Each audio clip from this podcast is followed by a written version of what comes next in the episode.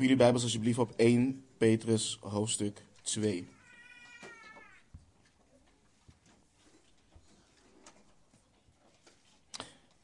...1 Petrus hoofdstuk 2. Uh, zondags gaan we vers voor vers door de eerste brief van de apostel Petrus. En vandaag gaan we verder in hoofdstuk 2. Ik wil graag versen 4 tot en met 10 met jullie lezen. En dan bidden en vervolgens het woord van de Heer ontleden. Petrus schrijft onder leiding van de Heilige Geest. En kom naar hem toe als naar een levende steen, die wel door de mensen verworpen is, maar bij God uitverkoren en kostbaar. Dan wordt u ook zelf als levende stenen gebouwd tot een geestelijk huis, tot een heilig priesterschap, om geestelijke offers te brengen, die God welgevallig zijn door Jezus Christus. Daarom staat er in de schrift: Zie, ik leg in Sion een hoeksteen die uitverkoren en kostbaar is. En wie in hem gelooft, zal niet beschaamd worden. Voor u dan, die gelooft, is hij kostbaar. Maar voor de ongehoorzamen geldt, de steen die de bouwers verworpen hebben, die is de hoeksteen geworden. En een steen des aanstoots en een struikelblok. Voor hen namelijk die zich aan het woord stoten door ongehoorzaam te zijn, waartoe zij ook bestemd zijn. Maar u bent een uitverkoren geslacht, een koninklijk priesterschap, een heilig volk, een volk dat God zich tot zijn eigendom maakte, maakte, opdat u de deugden zou verkondigen van Hem die u uit de duisternis geroepen heeft tot zijn wonderbaar licht. U, die voorheen geen volk was, maar nu Gods volk bent. U, die zonder ontferming was, maar nu in ontferming aangenomen bent. Laten we bidden. Vader, we danken u voor uw woord. We danken u, Heer, dat uw woord zo goed is, zo rijk is, Heer. En Vader, we bidden, Heer, dat we oren hebben om te horen. En dat uw woord niet ledig terug zal keren. Vader, we bidden dat het eeuwig vrucht mag dragen. En zoals we iedere week bidden, dat we niet alleen hoorders, maar ook daders van uw woord mogen zijn. We loven uw naam uw heilige naam. In de naam van Jezus Christus bidden we. Amen. Het volgende wat ik stel is geen uh, veroordelende, uh, veroordelende vraag en ook geen vraag tot het opwekken van schuldgevoelens. Het is een oprechte vraag met het doel om ons te herinneren aan een feit. En de vraag is: beseffen we hoe gezegend en bevoorrecht wij zijn als kinderen van de levende God. Dus sta even stil bijvoorbeeld bij het volgende. Romeinen 8, vers 16 en 17. Daar lezen we dat Paulus schrijft. En het gaat voornamelijk om vers 17. Op vers 16 leest de geest zelf getuigt met onze geest dat wij kinderen van God zijn. En als wij kinderen zijn, dan zijn wij ook erfgenamen. Erfgenamen van God en mede-erfgenamen van Christus, wanneer wij althans met Hem lijden, opdat wij ook met Hem verheerlijkt worden. Wat is een erfgenaam? Een erfgenaam is een persoon die wettelijk gerechtigd is tot het bezit en de eigendommen van een nalatenschap bij, de bij het overlijden van de schenker. Een erfgenaam ontvangt een erfenis die van de schenker naar de begunstigde wordt overgedragen. En de begunstigde heeft niet gewerkt om deze erfenis op te bouwen of om, om het te kunnen ontvangen. Iemand anders heeft al het werk gedaan. En wordt nu wordt het doorgegeven aan de ontvanger. Wij zijn in en door Jezus Christus aangenomen door God. We hebben de Heer Jezus Christus aangenomen en zijn kinderen geworden van de levende God en zijn erfgenamen van God en mede-erfgenamen van Jezus Christus. Efeze 1, vers 3 leert ons: Gezegend zij de God en Vader van onze Heer Jezus Christus, die ons gezegend heeft met alle geestelijke zegen in de hemelse gewesten in Christus.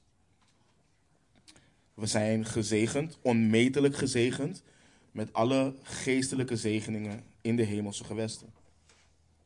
In de versen daarna, in hoofdstuk 1 van Efeze, krijgen we een glimp daarvan. Bijvoorbeeld, voor de grondlegging van de wereld zijn we uitverkoren in Christus. We zijn voorbestemd om als zijn kinderen, als Gods kinderen aangenomen te worden door Jezus Christus. In Hem hebben wij de verlossing. Door Zijn bloed, namelijk de vergeving van de overtredingen. In Hem zijn we ook een erfdeel geworden, schrijft Paulus. In Hem, dat is in Christus, bent u ook, toen u tot geloof kwam, verzegeld met de Heilige Geest van de belofte. We zijn gezegend en we zijn bevoorrecht als kinderen van God. En de schrift zit hier vol mee. En we vergeten dat vaak. We staan daar veel te weinig bij stil, want terecht, en ik zeg nogmaals, terecht zijn we bezig met gehoorzaamheid aan de Heere God, omdat wij zijn kinderen geworden zijn door wat Hij heeft gedaan. Maar als we vergeten wat we zijn en wat we hebben ontvangen door Zijn genade, en tot eer en glorie van Zijn naam, dan beroven we onszelf ook van vreugde, bemoediging en de toerusting die God ons wilt geven. En Petrus wil niet dat zijn lezers vergeten hoe gezegend en hoe bevoorrecht zij zijn, te midden van alle moeilijkheden waar zij doorheen gaan. En omdat de schrift voor alle gelovigen is, wil God dus ook dat wij niet vandaag vergeten hoe bevoorrecht en hoe gezegend wij zijn als zijn kinderen. We hebben wat versen, dus laten we er doorheen lopen. Vers 4. Petrus schrijft: En kom naar hem toe als naar een levende steen, die wel door de mensen verworpen is, maar bij God uitverkoren en kostbaar. In de, heer, in de herziene staat het geschreven als een gebod, dus kom naar hem toe. Maar in het Grieks is dat niet hoe het er staat. Het idee wat er wordt geschetst in het Grieks is letterlijk terwijl je naar hem toe komt als naar een levende steen. En dit is het eerste voorrecht waar ik met jullie bij wil stilstaan. In vers 3 had Petrus het over of we hebben geproefd dat de Heer een goedertieren is. En het idee gaat door en je ziet hier ook een belangrijke correlatie in de zin dat als je naar hem toe komt, dan proef je dat hij goedertieren is. En het Griekse woord voor goedertieren schetst het idee van aangenaam, uh, vriendelijk, zacht. Dat onze Heere God goed is. Dat Hij nuttig is voor ons. En niet in de zin dat we Hem oneerbiedig gebruiken nuttig, maar in de zin dat we Hem nodig hebben. En wanneer je dat beseft, dan verlang je ook vurig als een pasgeboren kind naar zijn woord, omdat hij zichzelf daarin openbaart. Maar let op de zegen, let op het voorrecht. Wij kunnen naar hem toekomen. Wij hebben toegang tot Hem. Hij ontvangt ons. Het spreekt van het naderen tot Hem. Het dichtbij komen. Dit spreekt van intimiteit. Dit is een voorrecht, een zegen wat een kind van God heeft. Onze zaligmaker is niet ver van ons. Hij is niet afstandelijk. Hij houdt ons ook niet op afstand. We hebben de mogelijkheid en de vrijheid om ieder moment tot Hem te naderen. En Petrus gaat er ook van uit dat zijn lezers dat doet. En niet alleen in relatie tot hun zaligmaking. Dit spreekt van het continu naderen tot Hem. Van fellowship spreekt dit. Gemeenschap. Kinderen van God, discipelen van de Heer Jezus Christus, hebben het voorrecht om dagelijks te naderen tot de levende God in en door het gebed en door het lezen en bestuderen van Zijn woord. Maar ook in het regelmatig samenkomen met andere heiligen en Hem samen loven en prijzen voor wie Hij is en wat Hij gedaan heeft. En ik hoop dat we dit beseffen. Dat we niet alleen hier naar kijken van oké, dit is onze redelijke godsdienst. Dit is niet simpelweg onze plicht. Dit is een voorrecht. Het is een zegen. En een voorrecht om de schrift te kunnen openslaan en in je eigen taal de woorden te kunnen lezen die God heeft overgeleverd aan mensen. Opdat je kunt groeien in de genade en kennis van je zaligmaker. Het is een zegen en een voorrecht om al je zorgen, om al je angsten, om al je lasten bij Hem te mogen brengen in gebed, weten dat Hij je hoort en weten dat Hij een vrede geeft die ons verstand te boven gaat. En let op hoe ze naar hem toe moeten komen. Let op hoe ze naar hem toe komen. Als naar een levende steen. En om dit te begrijpen moet je de volgende versen erbij lezen. Dus we, behandelen ze nog niet, maar het geeft het iets beter weer. Dus vers 4 en 5. En kom naar hem toe als naar een levende steen, die wel door de mensen verworpen is, maar bij God uitverkoren en kostbaar. Dan wordt u ook zelf als levende stenen opgebouwd of gebouwd tot een geestelijk huis, tot een heilig priesterschap, om geestelijke offers te brengen die God welgevallig zijn door Jezus Christus. Dus wat zien we God doen? Een levend geestelijk huis bouwen. Paulus schetst hetzelfde idee in Efeze 2. Daar lezen we hoe God een levend geestelijk huis bouwt uit Jood en, en Heiden. Als je in Efeze 2 leest van vers 19 tot met 22, dan, dan schrijft Paulus: Zo bent u dan niet meer vreemdelingen en bijwoners, maar medeburgers van de heiligen en huisgenoten van God. Gebouwd op het fundament van de apostelen en profeten, waarvan Jezus Christus zelf de hoeksteen is. En op wie het hele gebouw, goed samengevoegd, verrijst tot een heilige tempel in de Here. Op wie ook u medegebouwd wordt tot een woning van God in de geest. Het punt wat Petrus maakt, en dat zien we ook in wat Paulus schrijft in vers 20. De levende steen, Jezus Christus, hij is het fundament van het geestelijk huis wat wordt gebouwd. Hij is de hoeksteen. En let, let alsjeblieft op, het is een open deur, maar mis het niet. Hij leeft. Hij is een levende steen. En dit is cruciaal. Want vaak in moeilijkheden vergeten we dat onze zaligmaker leeft. Dat hij actief heerst en regeert. Dat hij voorbeden voor ons doet. Dat hij met ons is, dat hij aan het werk is. Hij slaapt nog sluimert. En we vergeten dat vaak in moeilijkheden. En discipelen hebben het voorrecht om te naderen tot de levende steen. En let op hoe het volgende een, een enorme bemoediging is voor de discipelen waar Petrus aan schreef, maar ook hoe het ons dient te bemoedigen. Petrus schrijft, die wel door de mensen verworpen is, maar bij God uitverkoren en kostbaar. Uitverkoren en kostbaar. Dit moet op een positieve manier als een bom zijn ingeslagen bij deze discipelen. Die levende steen is door de mensen verworpen, maar bij God is hij uitverkoren en kostbaar. En we hebben hier eerder bij stilgestaan, maar het is belangrijk om dit weer te doen in deze context.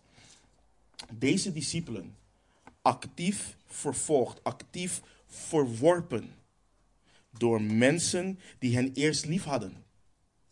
De mensen die hen eerst accepteerden. Let bijvoorbeeld op 1 Petrus 4, vers 3 en 4.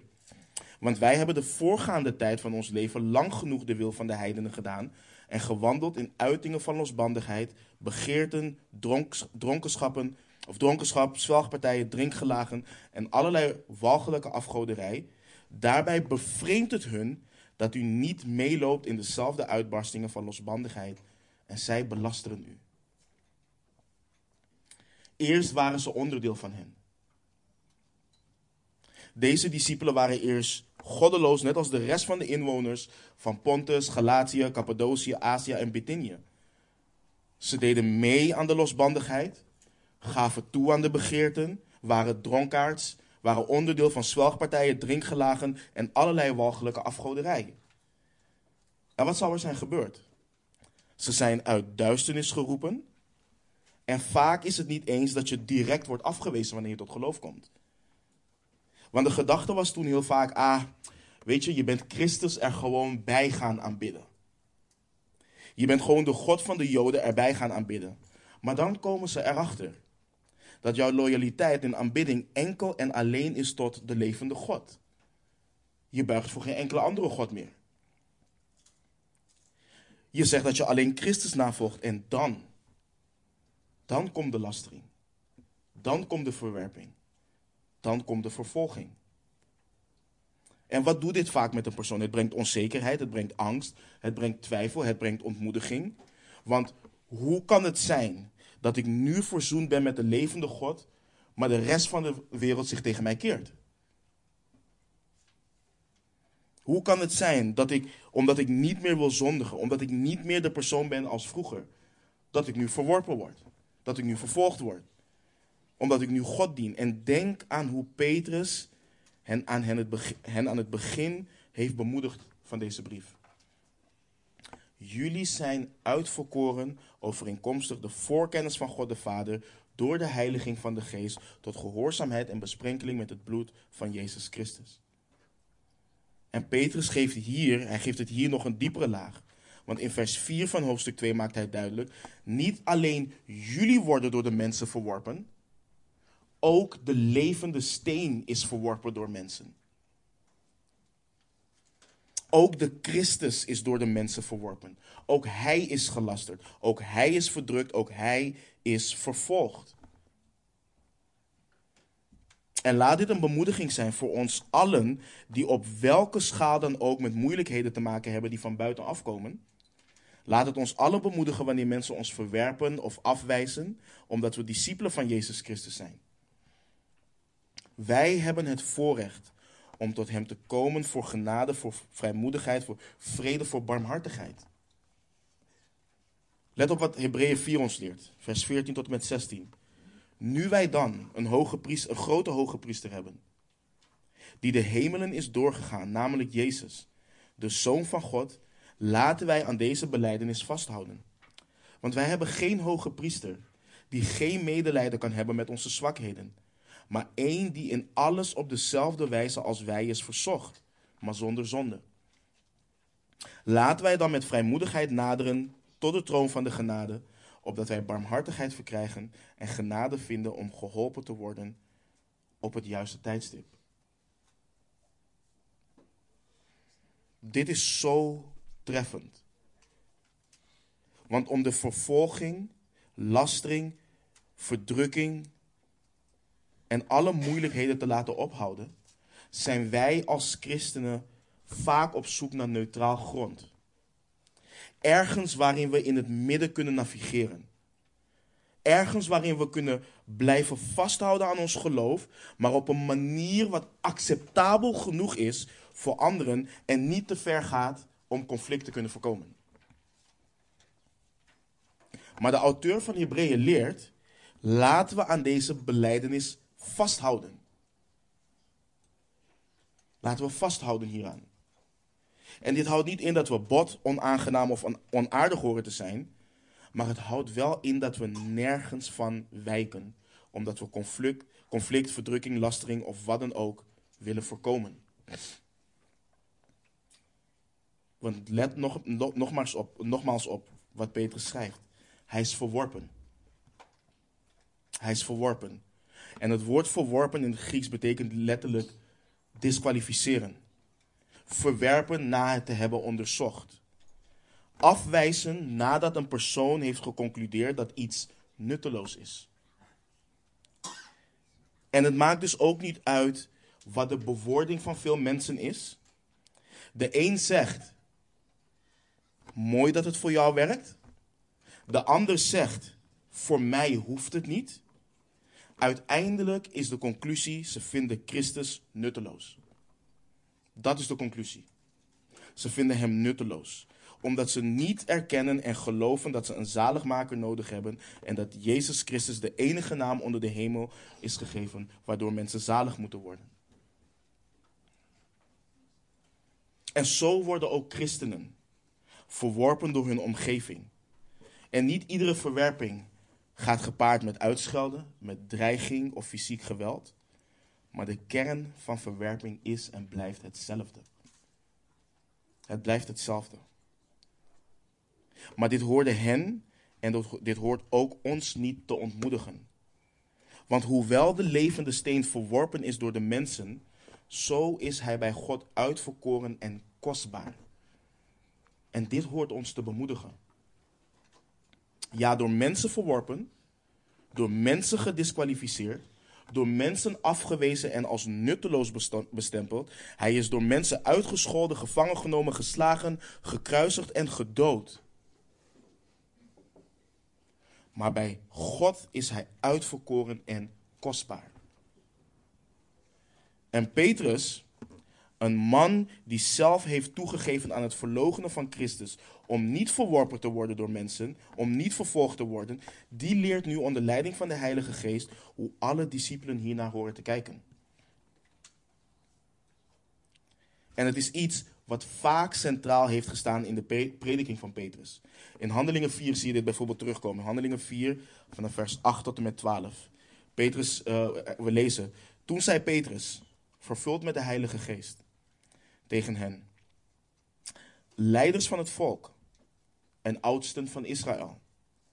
Wanneer wij vandaag ondervraagd worden over de weldaad aan een zieke man bewezen, waardoor hij gezond geworden is, laat het dan bij u allen en bij heel het volk Israël bekend zijn dat door de naam van Jezus Christus, de Nazarener, die u gekruisigd hebt, maar die God uit de doden opgewekt heeft, dat door hem deze man hier gezond voor u staat.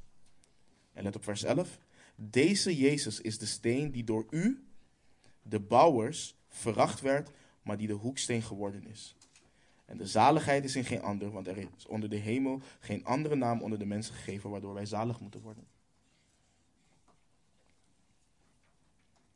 De Heere Jezus is uitverkoren en kostbaar. En wat bedoelt Petrus daarmee? Hij is gekozen. Hij is aangewezen. Hij is geselecteerd. In zijn geval de enige, maar dan ook de enige weg tot verzoening met de levende God. De gekozen weg waardoor men aangenomen kan worden tot God. En het maakt niet uit dat de mensen hem niet wilden aannemen, dat ze hem niet wilden aanvaarden. Het maakt niet uit dat zij hem hebben verworpen, want hij is gekozen door God. Hij is uitverkoren door God en hij is kostbaar, niet nutteloos, maar eerbaar. En daarom is het nieuwe lied wat ze zingen in Openbaring 5 en wat daarop volgt zo prachtig. Als je leest Openbaring 5, vers 9 tot en met 13.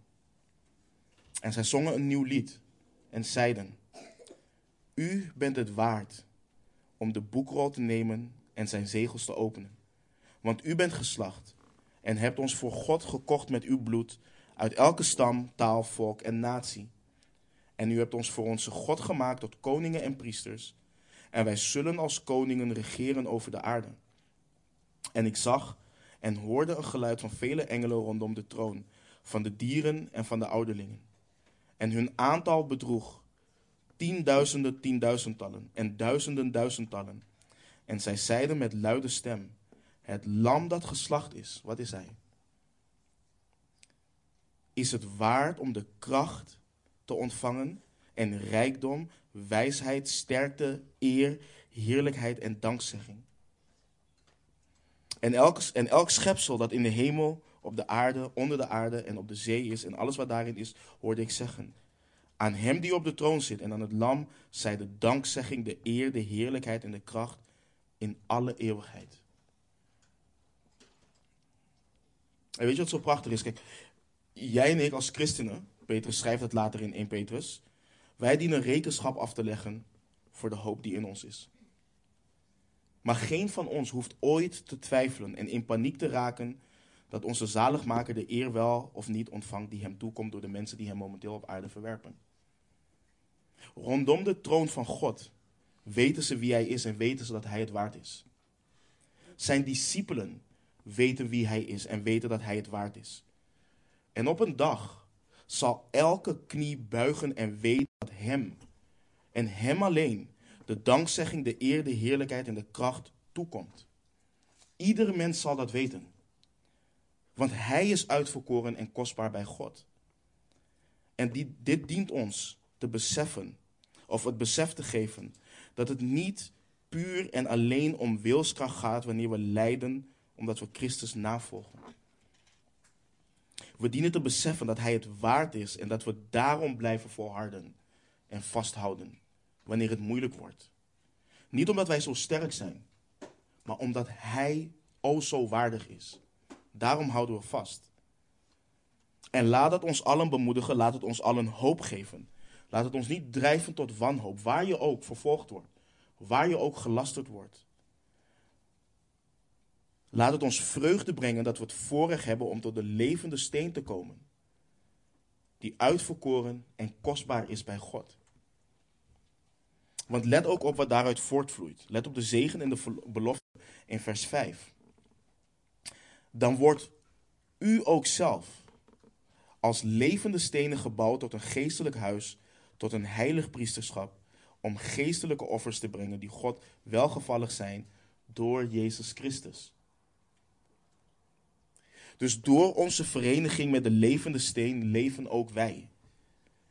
En wat een voorrecht is dit. Wij leven omdat Hij leeft. Maar let op wat God aan het doen is door onze vereniging met de levende steen. Wij worden gebouwd tot een geestelijk huis. En in het Oude Testament was het huis van God de tempel. Een prachtige tempel weliswaar, maar eentje opgebouwd en gemaakt door levenloze stenen. Onder het nieuwe verbond is Gods tempel opgemaakt uit hen die levend zijn gemaakt met Christus. En dus levende stenen zijn. Dat is het huis van God. Let op wat Paulus schrijft aan Timotheus in 1 Timotheus 3, vers 15. Maar voor het geval dat ik langer wegblijf, weet u nu hoe mensen zich moeten gedragen in het huis van God. Dat is de gemeente van de levende God, zaal en fundament van de waarheid. Het huis van God is de gemeente van God, opgemaakt uit Jood en Heiden door hun vereniging met Christus. En hoe verblijft hij in zijn tempel? Hoe verblijft hij in zijn huis? Door zijn geest. Let op wat Paulus schrijft aan de Corinthiërs. In 1 Korinthe 3, vers 16 en 17. Weet u niet dat u Gods tempel bent en dat de geest van God in u woont? Als iemand de tempel van God, van God te, te gronde richt, zal God hem te gronde richten, want de tempel van God is heilig. En deze tempel bent u. Of verder in 1 Korinthe 6, vers 19 en 20. Of weet u niet dat uw lichaam een tempel is van de Heilige Geest, die in u is, en die u van God hebt ontvangen, en dat u niet van uzelf bent, u bent immers duur gekocht. Verheerlijk daarom God in uw lichaam en in uw geest, die van God zijn. En let op wat de auteur van Hebreeën schrijft in Hebreeën 3, vers 6. Christus echter is getrouw over zijn huis als zoon. Zijn huis zijn wij als wij tenminste de vrijmoedigheid en de roem van de hoop tot het einde toe onwrikbaar vasthouden. het is een voorrecht en een zegen om te zien hoe de levende God zijn huis bouwt.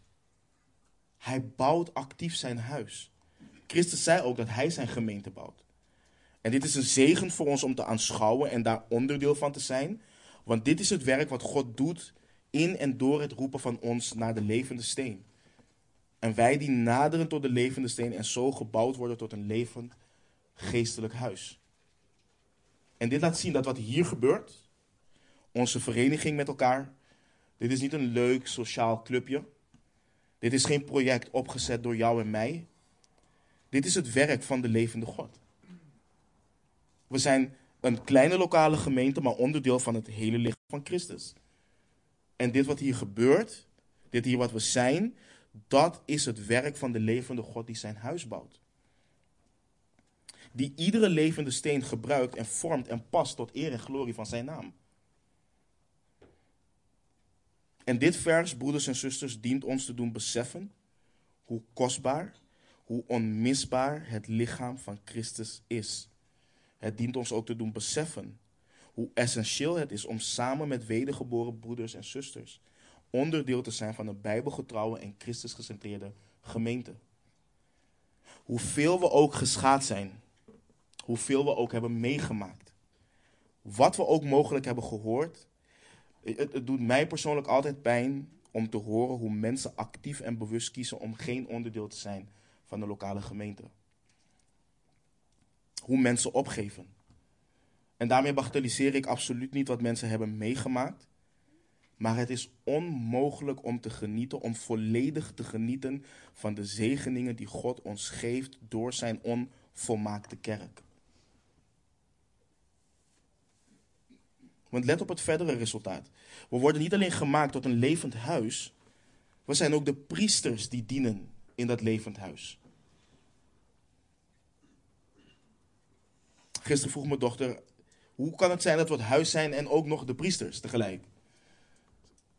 Het, God doet zo'n groot werk dat het niet te omvatten is en niet te beschrijven is in één ambt of in één ding wat wij zijn. We zijn schapen. We zijn priesters. We gaan regeren als koningen. We zijn het huis. En ik hoop dat dit vers de individualisering van het geloof volledig onderuit haalt. Dit vers kent in onze tijd een uiterste vanwege de geschiedenis van de katholieke kerk. Daar zijn het enkelen die dienen in het ambt, daar zijn het enkelen die geroepen zijn tot een heilig priesterschap. De rest is het gewone, gewone volk, wat geniet van de dienst van hen die uitgekozen zijn. En na de Reformatie is er terecht een nadruk gekomen op het feit dat we allen geroepen zijn. Alle discipelen zijn geroepen om God te dienen als priesters. We lazen het net ook in Openbaring 5. En u hebt ons voor, en u hebt ons voor onze God gemaakt tot koningen en priesters. Maar het is, tot, het is zo tot een extreme getrokken dat de context uit het oog is verloren. Petrus heeft het over hoe de heiligen God samen dienen. Als een heilig priesterschap. Hoe ze samen geestelijke offers brengen. En ja, er is een aspect waarin je persoonlijk ook God dient, maar de nadruk ligt daar nooit op in de schrift. De nadruk ligt op het gehele huis van God. En dat er nu geen menselijke hoge priester of voorganger tussen ons instaat om geestelijke offers te brengen, maar dat er één is en dat we door de hoge priester, door Jezus Christus, samen als volk, samen als Gods kinderen tot Hem kunnen komen en Hem samen kunnen dienen op een wijze wat Hem welgevallig is. Dat is de realiteit waarin we staan. En dit neemt ook weg wat je in heel veel kerken ziet gebeuren. Dat er hier en daar binnen lokale gemeenten bedieningen worden gecreëerd om je dan het gevoel te geven nu ben ik God aan het dienen. Want wat als je geen bediening hebt? Ben je dan geen priester? Kun je God dan niet dienen? Dit hoort ons te doen beseffen dat dit verder gaat dan de vier muren waarbinnen wij samenkomen. En daarom moeten we af van die gedachte: ik heb de kerk niet nodig om christen te zijn. Ik heb de kerk niet nodig om God te gehoorzamen. Je hebt het wel nodig. Let op de volgende versen. Romeinen 12, vers 10. Heb elkaar hartelijk lief met broederlijke liefde. Ga elkaar voor in eerbetoon. Romeinen 12, 13. Wees deelgenoot in de noden van de heiligen. Leg u toe op de gasvrijheid. Romeinen 12, vers 16. Wees eensgezind onder elkaar. Streef niet naar de hoge dingen, maar houd u bij de nederige, nederige, wees niet wijs in eigen oog. Gelaten 6 vers 2. Draag elkaars lasten en vervul zo de wet van Christus. Colossense 3 vers 13. Verdraag elkaar en vergeef de een de ander als iemand tegen iemand anders een klacht heeft, zoals ook Christus u vergeven heeft, zo moet ook u doen. Of Colossense 3, vers 16. Laat het woord van Christus in rijke mate inwonen. Onderwijs elkaar. En wijs elkaar terecht in alle wijsheid. En zing voor de Heer met psalmen, lofzangen en geestelijke liederen met dank in uw hart. Een hele, hele oprechte, maar simpele vraag. Hoe kunnen we hier gehoor aan geven als we geen onderdeel zijn van de lokale gemeente? Als we geen fellowship hebben met broeders en zusters. Dit zijn geboden. Als wij zeggen dat we God willen gehoorzamen, hoe kunnen we hier gehoor aan geven als we er actief voor kiezen? Als we het geen verwerpen wat God zo actief aan het bouwen is. En dit is geen aanklacht, het is een vraag om bewust te overdenken. Ik weet ook dat we best veel mensen hebben die online meeluisteren. En aan hen zeg ik, er is geen perfecte gemeente. En aan jullie ook. Mensen zullen je teleurstellen. Mensen zullen tegen je zondigen. Dat is onvermijdelijk. Onvermijdelijk. Maar het is niet te onderbouwen dat je actief wegblijft van hetgeen wat God actief aan het bouwen is. Ik vind het een zegen dat de studies mensen online bereiken. Maar mijn oproep is: wil je God volledig gehoorzamen?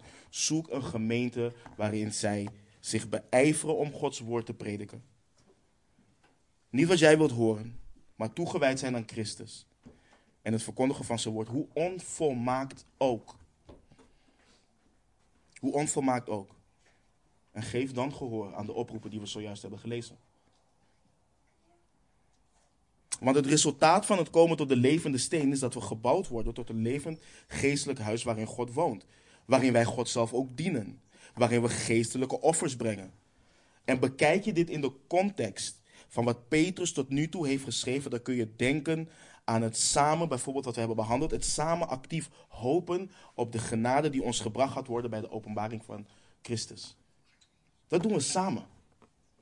Het kan niet zo zijn dat ik alleen de hoop heb op de genade die gebracht gaat worden en de rest niet. We herinneren elkaar aan die hoop en we sporen elkaar aan om actief te hopen op die genade.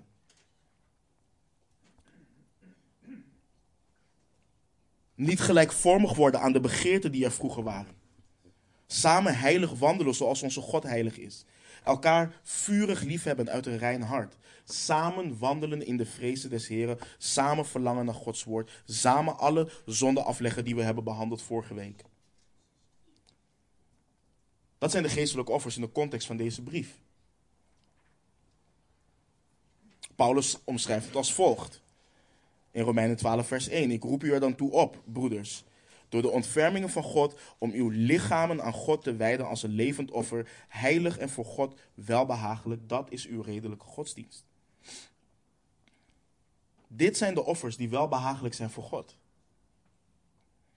Dit zijn de offers die Hij aanvaardt.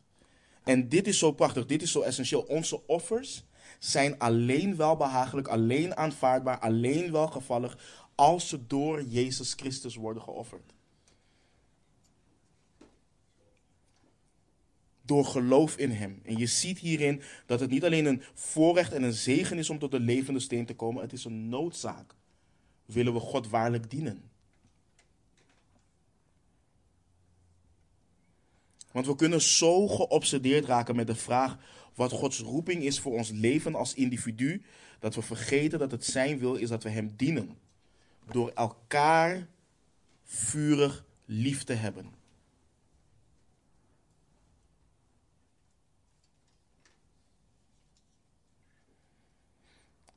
Weet je, we hebben, we hebben in onze tijd hebben we het concept van roeping hebben geromantiseerd.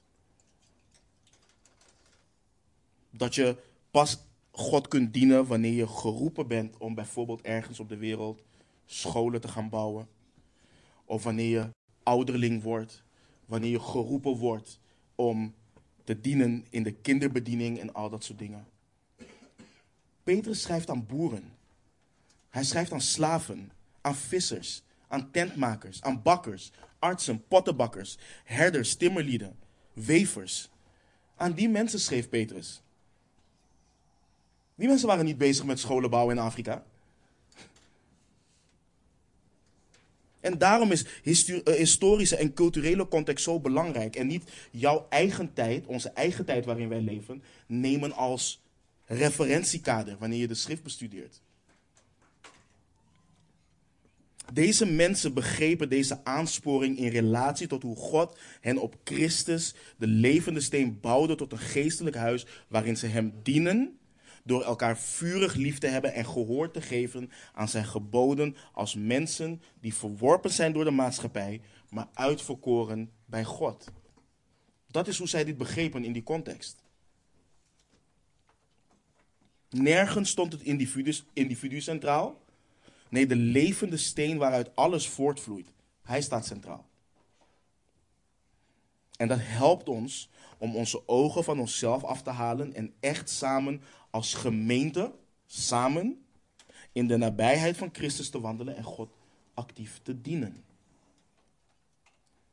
Om bijvoorbeeld samen in volharding te bidden als gemeente, om een biddende gemeente te zijn. Want ook onze gebeden zijn als offers aan de Heer. Om Hem bijvoorbeeld te loven, zoals er staat in Hebreeën 13, vers 15. Want ook dat is een offer aan de Heer. Of het weldoen aan elkaar en de onderlinge hulp betoont, zoals er staat in Hebreeën 13, vers 16. Want ook dat is een offer waarin God zijn welgevallen heeft.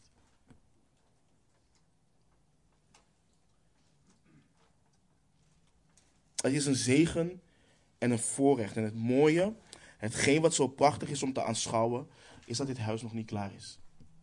Het wordt nog gebouwd. Petrus schrijft, het wordt gebouwd, het huis is nog niet af, het is niet volmaakt. Het zal, het zal volmaakt, smetteloos, onberispelijk voor hem geplaatst worden. Maar dat is het nog niet. En dat vergt onderlinge genade en geduld met elkaar. Want het is niet iets externs wat we verwerpen. Wij zijn het huis wat gebouwd wordt. En Petrus is niet klaar met zijn bemoediging. Let op hoe hoopvol vers 6 tot en met 8 is. Of zijn. Daarom staat er in de schrift: Zie, ik leg in Sion een hoeksteen die uitverkoren en kostbaar is. En wie in hem gelooft zal niet beschaamd worden. Voor u dan, die gelooft, is hij kostbaar, maar voor de ongehoorzame geld. De steen die de bouwers verworpen hebben, die is de hoeksteen geworden. En een steen des aanstoots en een struikelblok. Voor hen namelijk die zich aan het woord stoten, door ongehoorzaam te zijn, te zijn waartoe zij ook bestemd zijn. Petrus wijst op belangrijke profetieën die enorm veel hoop en troost bieden aan hen die door moeilijkheden heen gaan. Hij citeert in deze versen in volgorde, voor de mensen die dat willen uh, noteren. Jesaja 28, vers 16. Psalm 118, vers 22. En Jesaja 8, vers 14. Dat zijn de versen die hij citeert. Jesaja 28, 16, Psalm 118, vers 22 en Jesaja 8, vers 14. En let op, broeders en zusters, de volgende gedachte komt bij christenen veel voor. Wat als ik vasthoud aan dit? Aan hetgeen waarin ik geloof, of beleid te geloven. En het uiteindelijk niet eh, waar blijkt te zijn aan het einde van de streep. Wat als ik te vergeefs dit pad bewandel? Wat als ik al deze moeilijkheden doorsta en uiteindelijk is het allemaal voor niets? En Petrus bemoedigt, nee, dat is niet zo. Er is geprofeteerd door de profeet Jesaja eeuwen voordat de levende steen die verworpen werd hier op aarde wandelde. Ik zal deze hoeksteen, mijn hoeksteen, die uitverkoren en kostbaar is, in Sion leggen. En wie in hem gelooft zal niet beschaamd worden. Dit is geprofeteerd. Dit is de vaste hoop die iedere discipel van Jezus Christus heeft. Hoe moeilijk het ook wordt, hoe heet die vurige oven ook wordt, het onwrikbaar blijven vasthouden aan Christus zal nooit te vergeef zijn. Nooit. We hebben een hoop die niet beschaamt. Jezus Christus, de hoeksteen is verworpen, maar dat was geen ongelukje. Het is geprofeteerd. En dat wat de Vader besluit, dat gebeurt. En omdat hij uitverkoren en kostbaar is voor God, zullen zij die hun hoop op hem hebben gesteld, nooit beschaamd worden. Nooit. Luister, de hele wereld kan je verwerpen. Maar ben je uitverkoren door God, dan zul je op die dag niet beschaamd gemaakt worden. Nooit. Iedere zegen is in Christus. Iedere belofte is ja en amen in Christus. En men kan het lichaam te, te gronden richten. Men kan onze reputatie te gronden richten. Men kan ons angsten en allerlei andere dingen aandoen. Maar in en door Christus is onze ziel wel en levend. In en door Christus staan we gerechtvaardigd voor God, die zal oordelen over allen die ongehoorzaam zijn. En daarom hoort Christus kostbaar voor ons te zijn. Eén, omdat hij kostbaar is bij de Vader. En twee, omdat we in en door hem niet beschaamd zullen worden. Hij is je houvast. Want wanneer je iets kostbaars hebt, dan bewaak je en bescherm je het met, met je leven. Dan houd je er aan vast alsof je leven ervan afhangt. En ons leven hangt ook van hem af. En dat is wat wij dienen te doen als discipelen. Onze Heer Jezus is kostbaar, van onmetelijke waarde. Hij is niet alleen genoeg voor de discipel, hij is alles. En voor de discipel is het leven door hem, voor de discipel is het leven voor hem en voor de discipel is het leven in Christus. Voor de discipel is het leven Christus en ook al heeft de discipel het leven in en door Christus, jaagt de discipel hem na omdat hij daartoe geroepen is. Voor de ongehoorzamen, voor de ongelovigen, voor hen die Jezus Christus verwerpen, is het een heel ander verhaal. Voor hen is hij een struikelblok. In plaats van de levende steen waarop zij hun leven horen te bouwen, is hij de steen waardoor ze zullen struikelen, waardoor ze zullen vallen. Hij is de steen waardoor ze te pletter zullen vallen en neergeveld zullen worden. Voor hen is hij bitter, voor ons is hij zoet. Maar Christus is exact wie de profeet Jesaja geprofeteerd had in Jesaja 8. En men weigert in Jezus te geloven. Men weigert hem te gehoorzamen, want men vindt hem nutteloos, men haat hem. Mensen willen niet tot het licht komen, want ze houden van hun werken in duisternis en zullen ook zo het oordeel ondergaan. En daartoe zijn zij bestemd.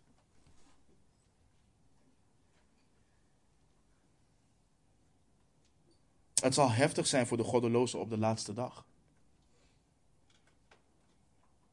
Er is geen neutraal grond bij God.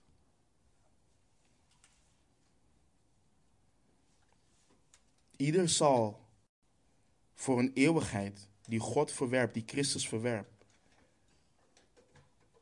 het volledige gewicht van Gods toorn tot in eeuwigheid moeten dragen.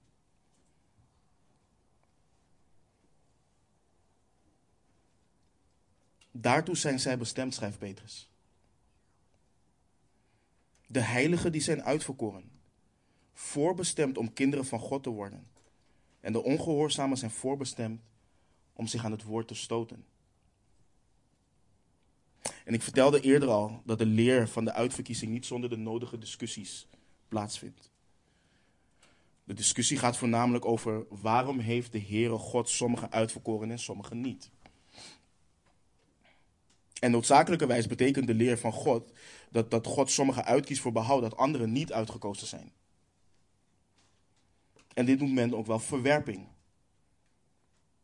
En de vraag is dan heel vaak: heeft God deze mensen uitverkoren om verdoemd te worden, uitverkoren om verworpen te worden? Er zijn mensen die geloven dat op dezelfde manier waarop God sommigen heeft uitverkoren voor eeuwig leven, hij anderen heeft uitverkoren om eeuwig verdoemd te worden. De vraag is alleen of je dit echt kunt onderbouwen op deze manier, of je dat echt zo kunt noemen. Men spreekt dan in sommige theologische termen of theologische systemen van dubbele uitverkiezing. Het ding is alleen, de schrift gebruikt het woord uitverkoren niet voor degenen die Christus verwerpen en sterven in hun zonde. Het woord uitverkoren wordt gebruikt voor degenen die voor behoud zijn gekozen voor het, voor, voor het begin of voor het begin der tijden en niet voor degenen die niet zalig worden. Het ding is wel dit.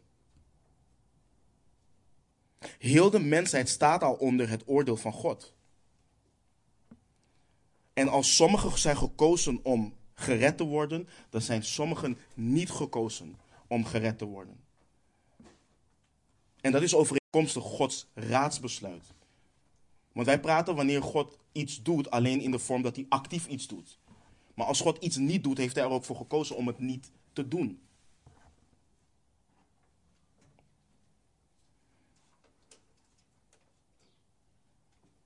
En je kunt het oneerlijk vinden omdat je tegen een bepaald theologisch systeem bent, maar dit gaat niet om theologische systemen.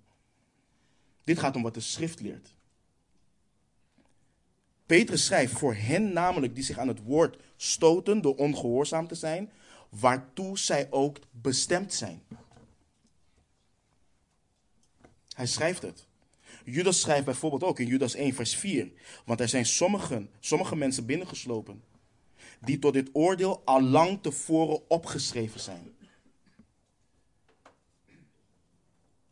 goddelozen, die de genade van onze God veranderen in losbandigheid en die de enige Heerse God en onze Heer Jezus Christus verloochenen. Weet je wat het ding is? Je kunt dit niet wegredeneren. Je kunt dit niet wegredeneren. Want dan moet je ook het contrast wegredeneren wat Petrus schrijft in vers 9. Waarin het begint met, maar u. Maar u bent een uitverkoren geslacht. Een koninklijk priesterschap. Een heilig volk. Een volk dat God zich tot zijn eigendom maakte, opdat u de deugden zou verkondigen van hem die u uit de duisternis geroepen heeft tot zijn wonderbaar licht. U die voorheen geen volk was, maar nu Gods volk bent. U die zonder ontferming was, maar nu in ontferming aangenomen bent.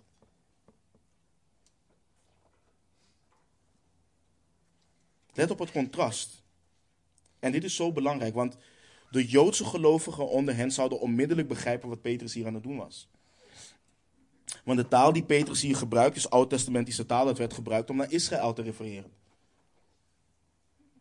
Maar Petrus wil dat alle christenen, alle discipelen weten dat zij Gods volk zijn.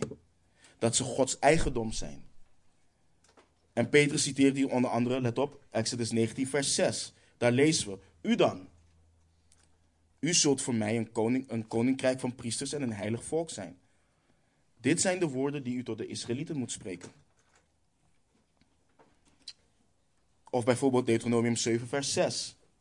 Want u bent een heilig volk voor de Heere uw God. De Heere uw God heeft u uitgekozen uit alle volken op de aardbodem om voor hem tot een volk te zijn dat zijn persoonlijk eigendom is. Als je nog meer wilt lezen, dan kun je bijvoorbeeld Deuteronomium 14, vers 2 of Deuteronomium 26, vers 18 lezen. Maar waarom is dit belangrijk? Want de discussie ontstaat hier direct, altijd bij dit vers. Leer je nu dat de kerk Israël heeft vervangen? Let goed op wat Petrus doet. Gods volk bestaat uit Jood en heiden die in Christus zijn. Dit moeten we goed begrijpen. En dit wat de schrift hier leert is belangrijk. Want je wordt gelijk doodgegooid met vervangingsleer. En dat is niet waar het hier over gaat. Wanneer we omgaan met de schrift, en dat geldt voor iedere doctrine, dan moeten we kijken wat zegt de schrift en niet wat wil ik dat de schrift zegt of niet zegt. Hier hebben we het ook over gehad bij uitverkiezing en voorbestemming. Let bijvoorbeeld op wat Paulus doet, een Jood, in Galaten 3 vers 28 en 29. Hij zegt, of hij schrijft, daarbij is het niet van belang dat men Jood is of Griek.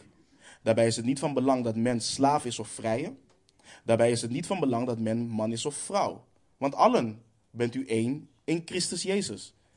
En let op vers 29. En als u van Christus bent, dan bent u Abrahams nageslacht en overeenkomstig de belofte erfgenamen. Leert Paulus hier dat je het Joodse volk moet haten en dat God klaar is met het Joodse volk? Nee.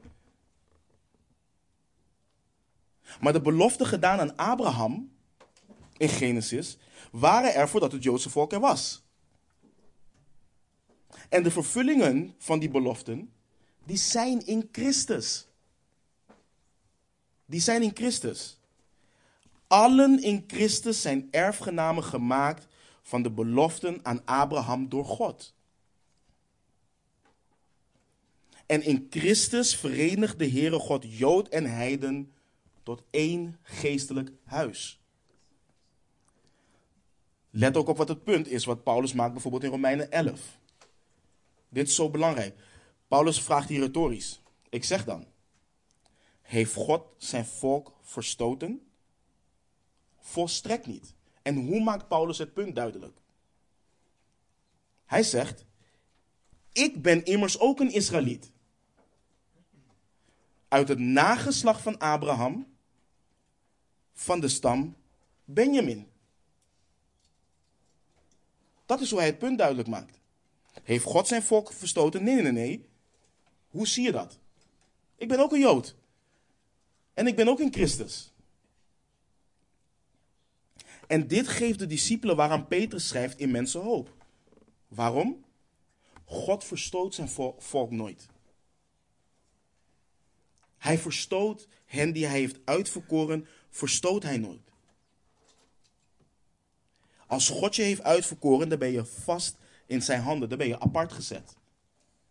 Een heilig volk. Gods volk is apart gezet. Ze zijn, ze zijn zijn kinderen apart gezet met het doel om als koningen met Christus te regeren, maar ook om God te dienen als priesters.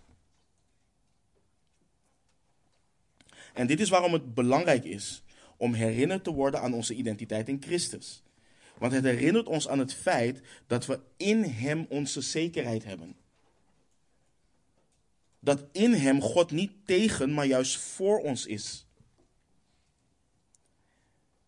En dit helpt ons er ook aan te herinneren dat wanneer we door moeilijkheden heen gaan, dat we ons juist niet moeten isoleren, maar elkaar nodig hebben. Als broeders en zusters. Dat we niet moeten vergeten dat God bezig is met het hele huis. En waar herinnert Petrus hen aan? Jullie waren eerst geen volk. Maar nu zijn jullie Gods volk. Jullie waren eerst zonder ontferming. Maar nu zijn jullie aangenomen in ontferming. En dit allemaal in Christus die de hoeksteen is. Als dit geen hoop biedt om vast te houden, dan biedt niets anders het. Dit is waarom het belangrijk is, ik blijf het herhalen, om de schrift altijd te bestuderen in zijn historische en culturele context. Wanneer je jezelf als referentiekader neemt en de geschiedenis weglaat waarin God zo hard en zo actief in heeft gewerkt, wat is hetgeen waar je dan op staat? Dan ga je theologie vormen aan de hand van jouw eigen leven. Terwijl de theologie, het staat er al. Het is er al.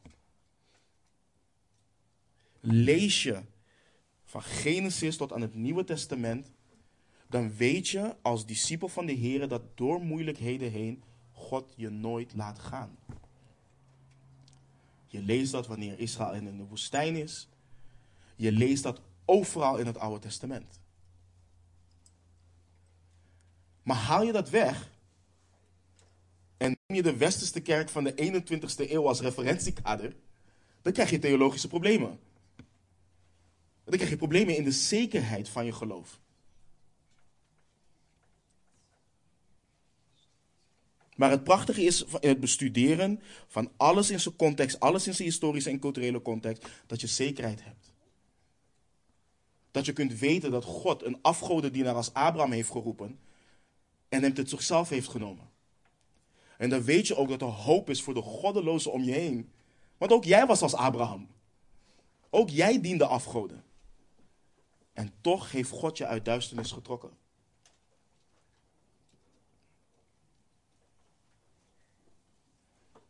God heeft ons uit duisternis geroepen als zijn volk. En let op het laatste punt. Het doel en het plan. Opdat u de deugden zou verkondigen van hem die u uit de duisternis geroepen heeft tot zijn wonderbaar licht. God heeft ons uit de duisternis geroepen als zijn volk tot zijn wonderbaar licht.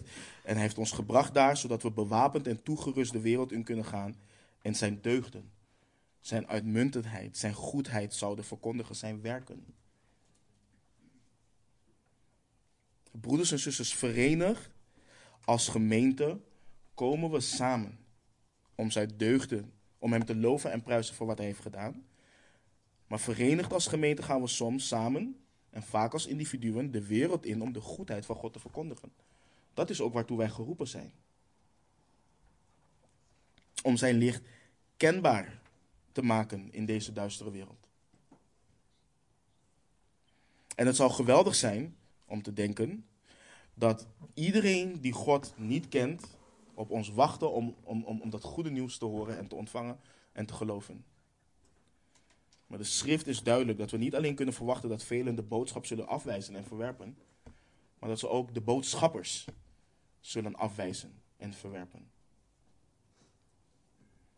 En we moeten de verleiding dan weerstaan om de boodschap of laagdrempelig te maken, of het te verzachten zodat mensen de boodschap en ons niet zullen afwijzen. Dat is vaak ook de moeilijkheid, dat is ook de uitdaging waarmee de kerk wordt geconfronteerd in moeilijke tijden.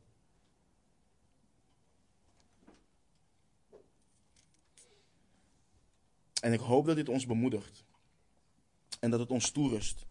Dat we weten, net zoals de discipelen uh, toen te horen kregen, we zijn bevoorrecht, we zijn gezegend. We kunnen in vrijmoedigheid naderen tot Hem die verworpen en veracht is door de wereld, maar bij God uitverkoren en kostbaar is. En ook wij zijn uitverkoren in Christus. En het maakt dus niet uit dat de wereld ons verwerpt. Het is een voorrecht en een zegen dat God actief bezig is met ons, in ons en door ons, om ons levende stenen te maken, gebouwd op de levende steen tot een levend geestelijk huis. En we zijn bevoorrecht en gezegend niet alleen om gebouwd te worden tot een huis, maar ook om te dienen in dit huis als priesters. Op een wijze wat voor Hem welgevallig is. We zijn bevoorrecht en gezegend dat we staan op vaste en zekere profetieën over de levende steen, over de hoeksteen die verworpen is en dat zoals dat voorbestemd is, zij die de levende steen verwerpen ook voorbestemd zijn om te struikelen. En het is een voorrecht en we zijn gezegend dat we getrokken zijn uit duisternis tot Gods wonderbaar licht. En dat we nu zijn deugden kunnen verkondigen in deze duistere wereld. Verheug je en prijs de Heer voor al deze zegeningen. Laten we bidden.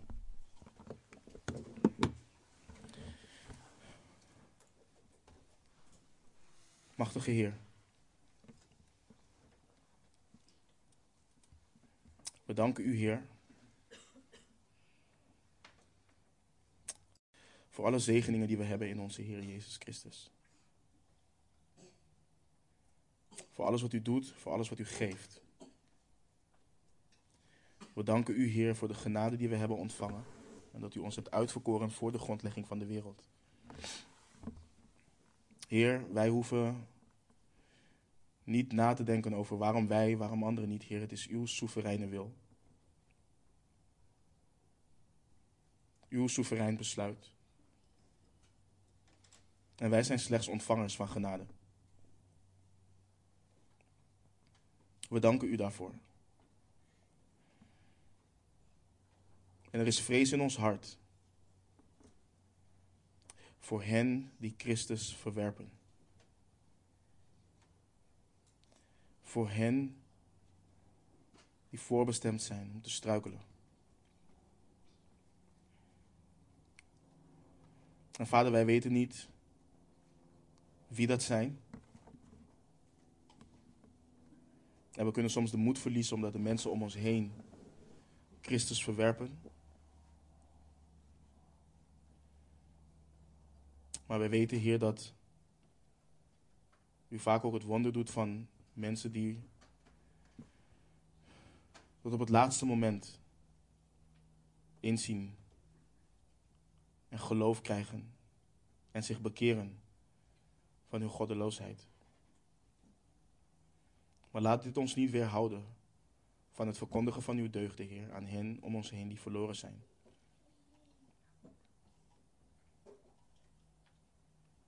We bidden voor uw genade. En we bidden, Vader, ook dat wij als gemeente samen, dat we u zullen dienen op een wijze wat u welgevallig is, Heer. Dat we dat in en door Christus doen.